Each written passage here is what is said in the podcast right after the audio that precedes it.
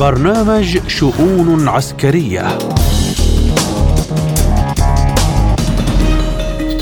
من إذاعة سبوتنيك بموسكو نرحب بكم مستمعينا الكرام أينما كنتم في حلقة جديدة من شؤون عسكرية نقدمها لكم اليوم. أنا محمد جمعة. وأنا نادية هلال ونبدأها بأهم العناوين. منظمة الصحة العالمية لم تجد أي علامات على وجود عسكري لحماس في مستشفيات غزة. أوستن يناقش مع نظيره الأوكراني تعزيز الإمكانات العسكرية لكييف. الحرس الثوري في إيران يعلن تشكيل قوات باسيل الخليج البحرية.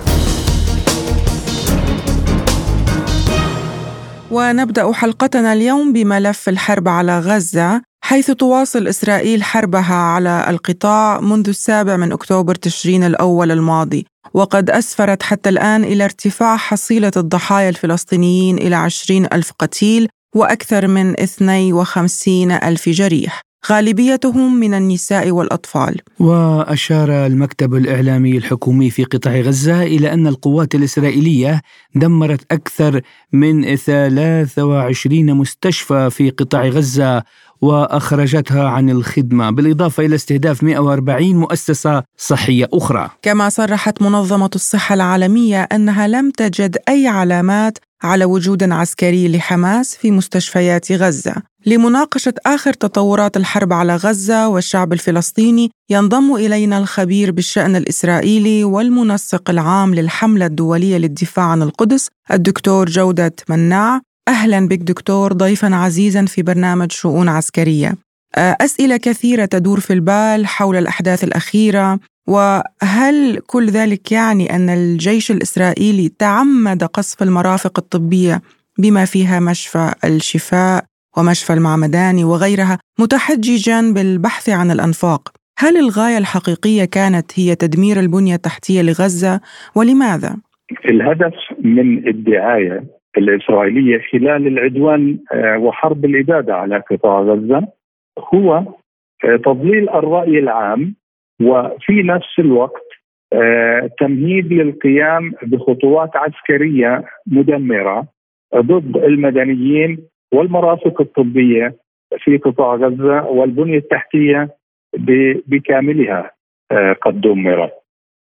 كي يجدوا مبرر للقيام بذلك يدعون ويزعمون بأن هناك آه، كان بنية تحتية عسكرية سواء كانت لحماس أو غيرها.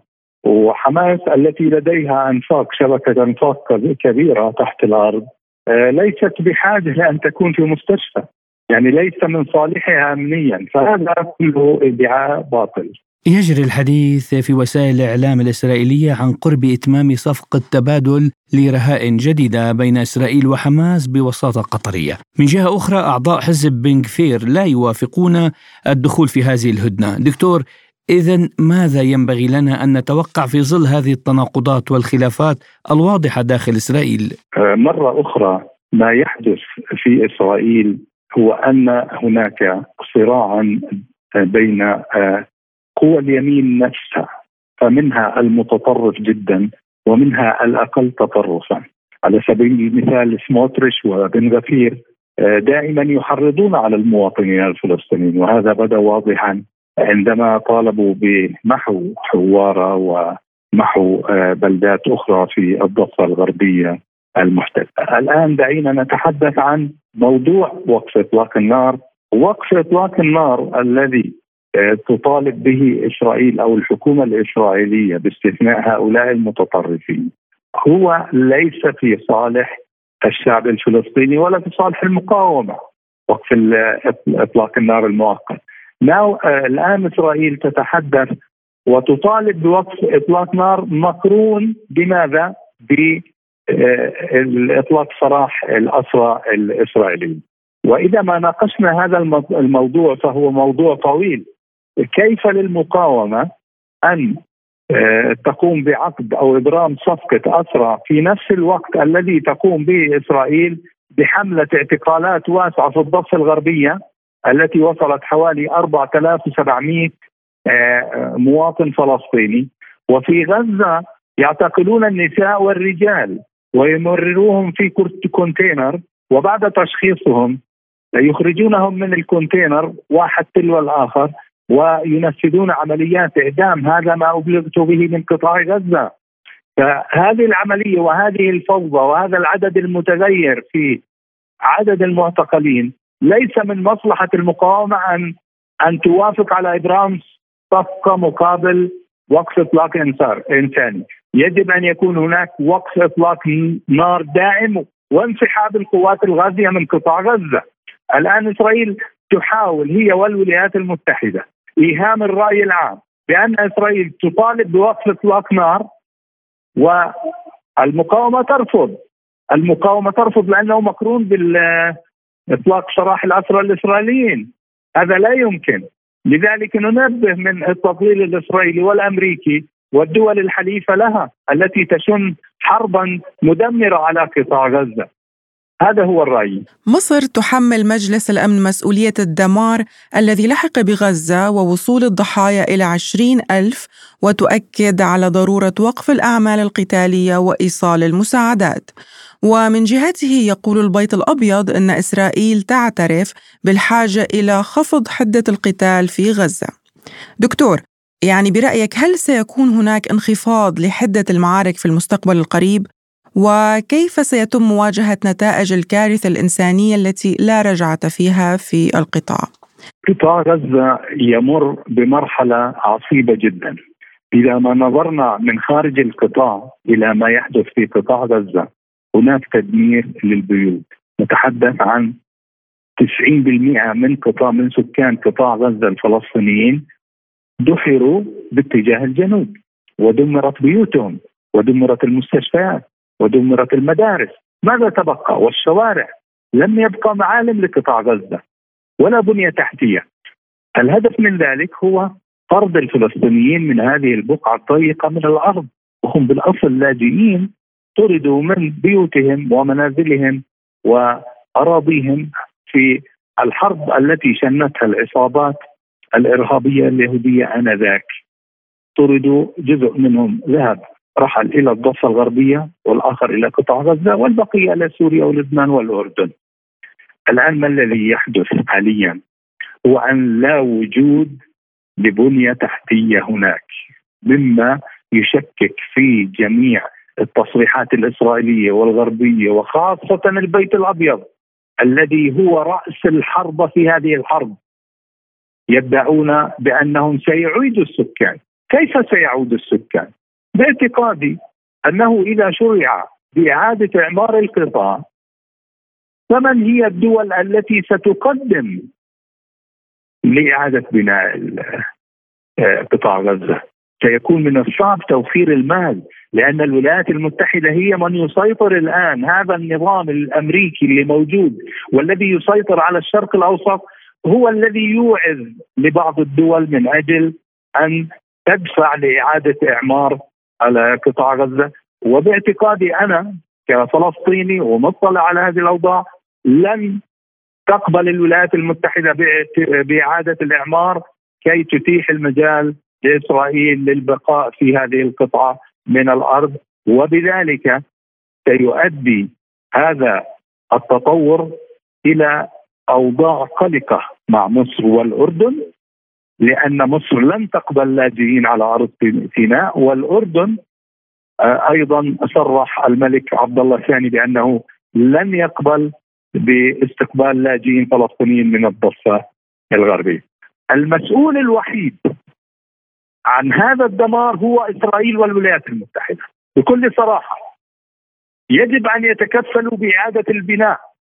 مجلس الأمن هو القادر وكما ذكرت مصر هو القادر على أن يجبر إسرائيل والولايات المتحدة لأنها طرف في هذا الصراع وهذه الحرب أن يعيدوا بناء القطاع، لكن الأهم أن نحافظ على الوجود الفلسطيني في هذه الأرض وهناك دائما أولويات أن نحافظ على هذا الوجود وأن نحافظ على سلامة المواطنين المواطنين الفلسطينيين. وفيما يتعلق بوقف إطلاق النار أو إلى أي وقت ستمتد هذه الحرب؟ أعتقد أنها ستمتد لسببين مهمين. واسمحي لي بالإطالة قليلا. هذان السببان هم هما اولا شبكة الأنفاق.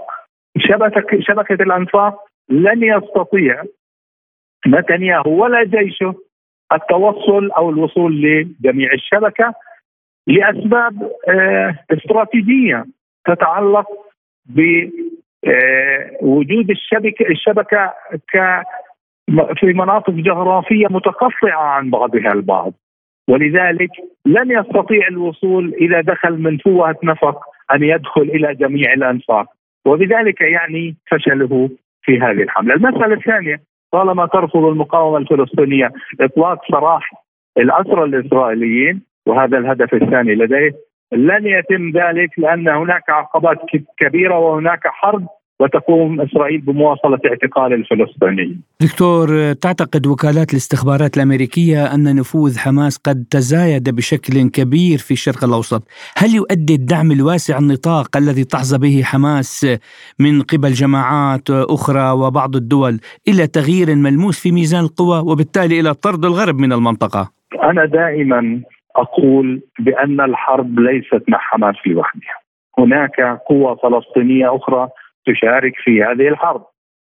ومع شديد الأسف نتيجة لضعف الإسرائيليين واستراتيجياتهم العسكرية المستديمة في منطقتنا وخاصة في فلسطين يقومون بضرب القطاع المدني، القطاعات المدنية والبنية التحتية لارغاب الناس. وهذا ما يحدث.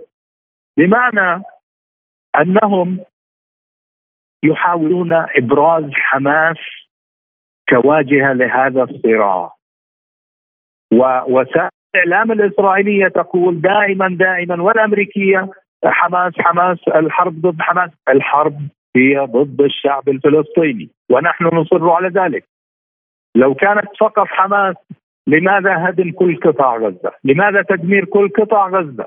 لماذا تدمير المستشفيات والمدارس والبنى التحتية، الكهرباء، الاتصالات، كل ذلك؟ إذا هي حرب ضد الشعب الفلسطيني ونحن كفلسطينيين لا نتماشى مع الدعاية الإعلامية الخارجية التي تصور الحرب مع حماس فقط. الحرب هي مع الشعب الفلسطيني. أما القول بأن حماس هي قوة أصبحت قوة علينا الا تأخذنا الدعاية في الدعاية الصهيونية في في رياحها. الخبير بالشأن الإسرائيلي والمنسق العام للحملة الدولية للدفاع عن القدس الدكتور جودة مناع كنت معنا ضيفا عزيزا في شؤون عسكرية شكرا لمشاركتك القيمة وإلى الملف الأوكراني حيث ناقش وزير الدفاع الأمريكي لويد أوستن ونظيره الأوكراني رستم عميروف القضايا المتعلقة بتعزيز الإمكانات العسكرية لكييف والمساعدة التي يقدمها للغرب. وفي وقت سابق قال أوستن أن إجمالي حجم المساعدة العسكرية التي وعدت مجموعة الاتصال بتقديمها للجانب الأوكراني قد تجاوز حتى الآن 80 مليار دولار وشدد على أنه يتوقع أن تزود هذه الدول أوكرانيا بأنظمة دفاع جوي إضافية في ظل اقتراب فصل الشتاء. وللحديث حول آخر تطورات الحرب في أوكرانيا نستضيف معنا الخبير بالعلاقات الدولية مدير المركز العربي للدراسات السياسية والاستراتيجية الدكتور محمد صادق إسماعيل أهلا بك دكتور محمد في برنامج شؤون عسكرية. تحياتي لحضرتك أستاذ محمد واستاذه نادية والسادة المستمعين أهلا وسهلا. وأبدأ معك بما قاله خبير عسكري أمريكي بعد هزيمة أوكرانيا ستكون دول حلف الناتو هدف روسيا التالي، هل سيدخل الناتو الحرب بشكل فعلي ضد روسيا بعد هزيمة أوكرانيا بالكامل دكتور؟ طبعا بعد التحية أعتقد إن المشكلة في هذه الحرب أنها كانت حرب آه، خاطئة منذ البداية بمعنى إن حلف شمال الأطلنطي أو حلف الناتو دخل حرب طبعا غير معلوم نهايتها وأيضا حرب طبعا من الناحية البرجماتية هو دخل لمصلحة خاصة به. وبالتالي فأنا أعتقد إنه خلال هذه الفترة الطويلة من عمر الحرب والتي أنفقت فيها دول حلف الناتو مليارات الدولارات التي أنفقت سواء على العمليات العسكرية أو حتى على الامدادات اللوجستية لأوكرانيا لم تثبت أي نتيجة إيجابية بالعكس يعني ثبت نتائج سلبية كثيرة جدا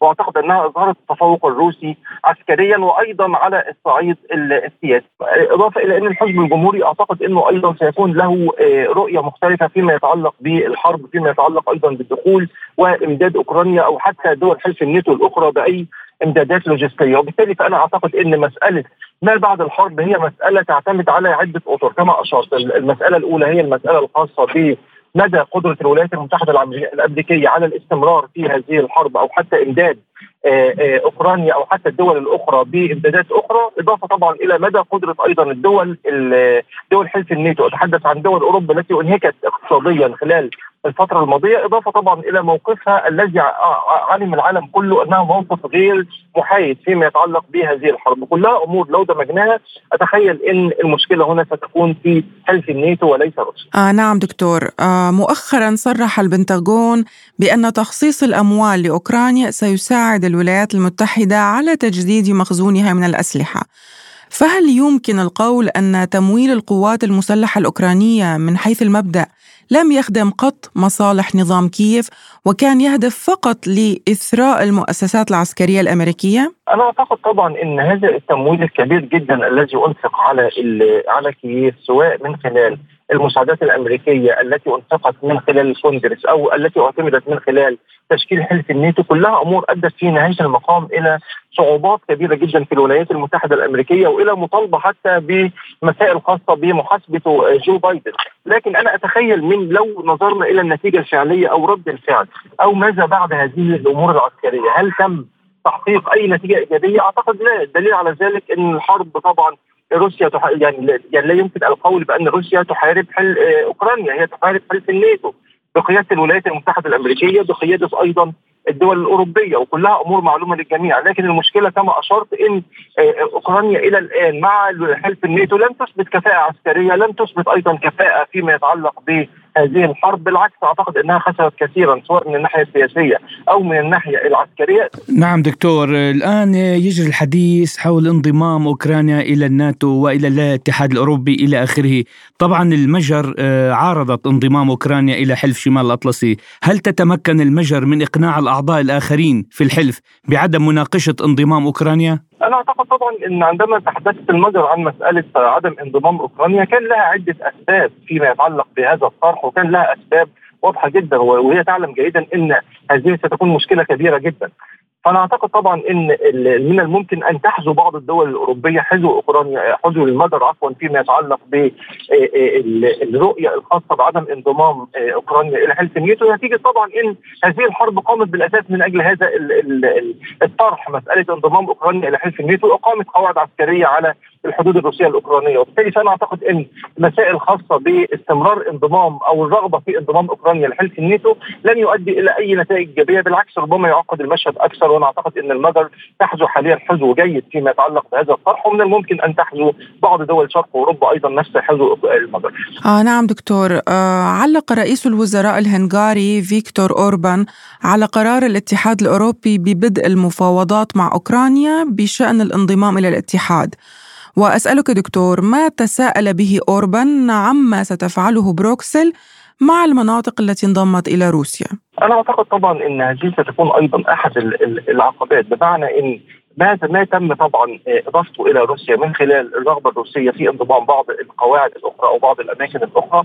هي مسألة طبعا تعود للتاريخ وتعود إلى المؤامات السياسية بمعنى إنه لا يمكن الجذب بأن هذا صحيح أو خاطئ، بالعكس أنا أعتقد إن المزيد من الموائمات السياسية والاتفاقات السياسية كانت تنهي هذه الجدلية من الأساس، لكن طبعا استمر أوكرانيا في الاعتماد على حلف الناتو ورغبة أيضا أوكرانيا في دخول الولايات المتحدة الأمريكية إلى الخاصه كما يقال ربما عقد المشهد أكثر.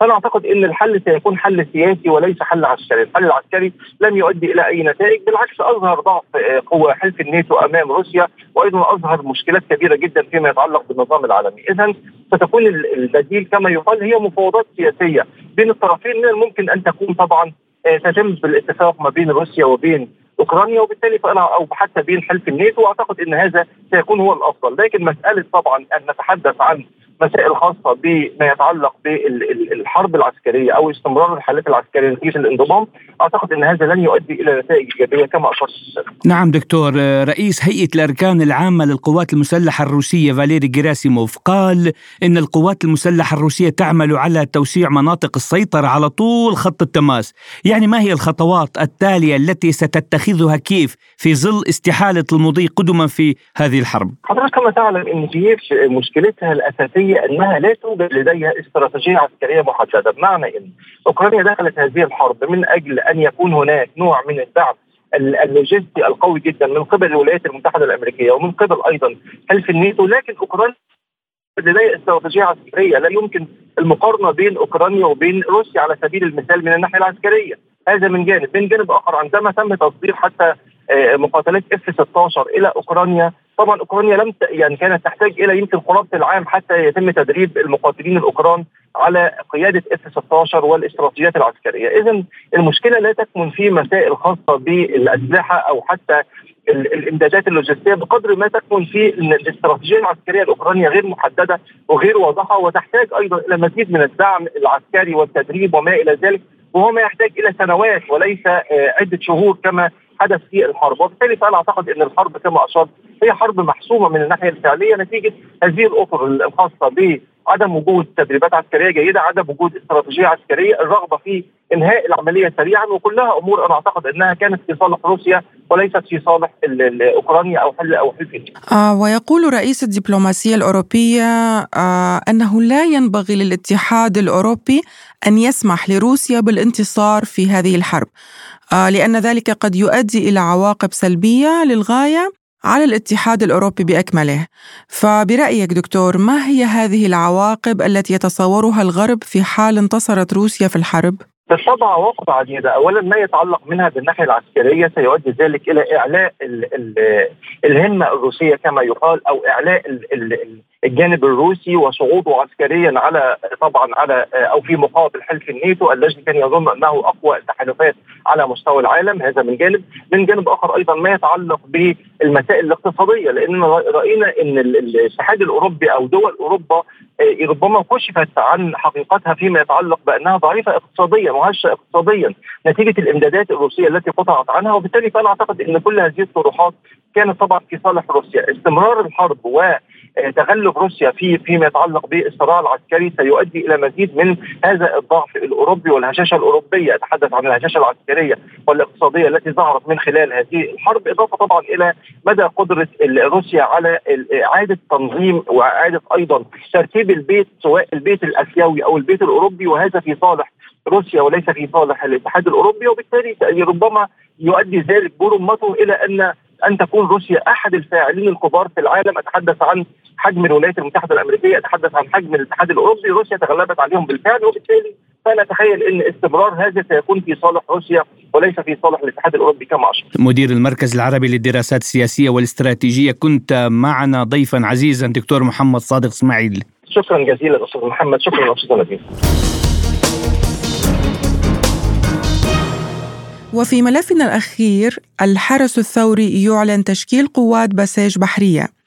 وفي أول رد وتحرك عسكري بحري على إنشاء الولايات المتحدة قوة بحرية متعددة الجنسيات في البحر الأحمر أعلن قائد القوة البحرية في الحرس الثوري الإيراني علي رضا تنكسيري تشكيل وحدة بساج بحرية يمكنها القيام بعمليات من خلال السفن الثقيلة والخفيفة حتى شواطئ تنزانيا. النقطة التالية سيكون إنشاء وحدة ظل بحرية. وتعد قوات الباسيج أحد الأذرع الخمسة في الحرس الثوري الإيراني وتقوم بمهام من ضمن مهام القوات البرية.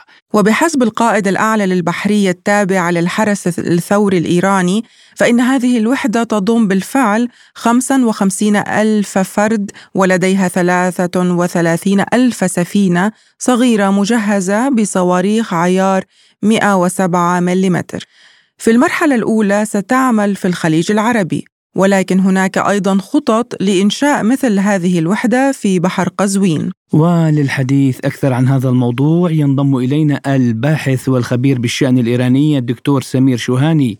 أهلا بك دكتور سمير بشؤون عسكرية وأبدأ معك من إعلان الحرس الثوري تشكيل قوات باسج بحرية. هل هذا يمهد لمواجهة محتملة مع التحالف الدولي المشكل حديثا؟ فيما يتعلق بتشكيل هذه القوة أنا أستبعد أن يكون لمواجهة آه هذا التحالف البحري الذي أسسته الولايات المتحدة. طبعا هذه القوة تأتي في إطار الاستعداد الإيراني المتواصل آه، للرقي بمستوى الردوة الجهوزية لقواتها المسلحة لكن لا يأتي في إطار هذه القوة لا يأتي في إطار آه، المواجهة مع الولايات المتحدة وهذا التحالف البحري. خاصة وأن هذا التحالف البحري هو بشكل عام هو يشمل منطقة البحر الأحمر وبحر العرب وهو ومضيق باب المندب وهو بعيد إلى حد ما عن المياه الإقليمية الإيرانية. آه، دكتور سمير أليس تشكيل قوات بساج بحرية تعتبره الولايات المتحدة بمثابة استفزاز يؤدي إلى التصعيد في المنطقة؟ إيران لا لا تنظر إلى الموضوع من هذه الزاوية وهي ترى من حقها أن تعمل ليل نهار على الرفع من المستوى الجهوزية لقواتها والموضوع الآخر فيما يتعلق بقوات التعبئة أو البسيج هي ليست قوات عسكرية رسمية وهي تأتي في إطار الدعم والإسناد للقوات المسلحة الرسمية. ومن هذا المنطلق أنا لا أتصور بأن الولايات المتحدة تنظر إلى هذا آه، كاستفزاز لها. وإن نظرت أيضا كاستفزاز لها بالنسبة لحقيقه الإيرانيين هذا لا يهم الإيرانيين لأن الإيرانيين يرون بأنهم من حقهم أن يتخذوا الخطوات المناسبة والقرارات الملائمة. لمواجهة أي تهديدات محتملة. وهل هذا الإجراء ضروري ويكفي لضمان أمن الجمهورية الإسلامية؟ لا لا بالتأكيد لا بالتأكيد لا.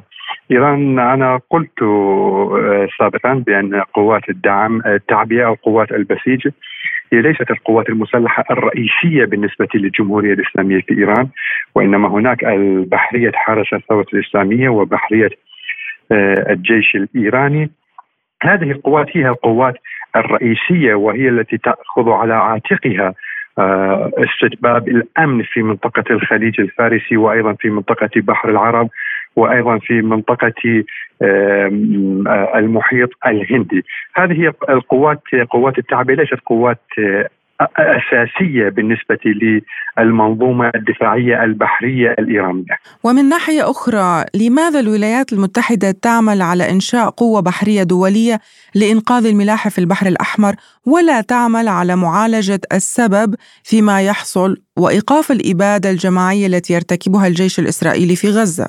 آه، الولايات المتحدة حقيقة هي يعني ترى نفسها حارسا للمصالح الإسرائيلية في المنطقة أو في العالم. وهذا التشا... هذا التحالف البحري هو جاء خصيصا لضمان الأمن للسفن الإسرائيلية اولا والسفن التي تتوجه إلى الكيان الإسرائيلي حاملة البضائع أو ما شابه ذلك. فبالنسبة للولايات المتحدة هي تعلم جيدا بأن هذه التحالفات التي تشكلها ليست من أجل استتباب الأمن في المنطقة لانها إذا أرادت حقيقة أن تبحث عن الأمن في المنطقة يجب أن تبحث عن الأسباب والجذور والجذور حقيقة هو الكيان الاسرائيلي الذي آه، قام بهذه المجازر الوحشية في آه، في فلسطين وفي قطاع غزة واليمنيون حقيقة هم اليوم آه، حقيقة لا يسعون ولا يريدون زعزعة الأمن والاستقرار في منطقة البحر الأحمر وهم لا لا يستهدفون كل السفن وإنما السفن الإسرائيلية والسفن المتوجهة للكيان الإسرائيلي ويضعون شرطا. إن فكوا الحصار عن قطاع غزة وهم يتوقفون عن استهداف هذه السفن. إذا أولا السفن المستهدفة مجرد هي إسرائيلية أو متوجهة إلى إسرائيل وثانيا هذه اليمنيون لا يستهدفون أي آه، سفينة أخرى من أي بلد في العالم كان الباحث والخبير بالشأن الإيراني الدكتور سمير شوهاني كنت معنا ضيفا عزيزا في شؤون عسكرية. شكرا لكم. مستمعينا الكرام إلى هنا تنتهي حلقة اليوم من شؤون عسكرية. كنت معكم أنا محمد جمعة. وأنا نادية هلال. شكرا لكم. إلى اللقاء.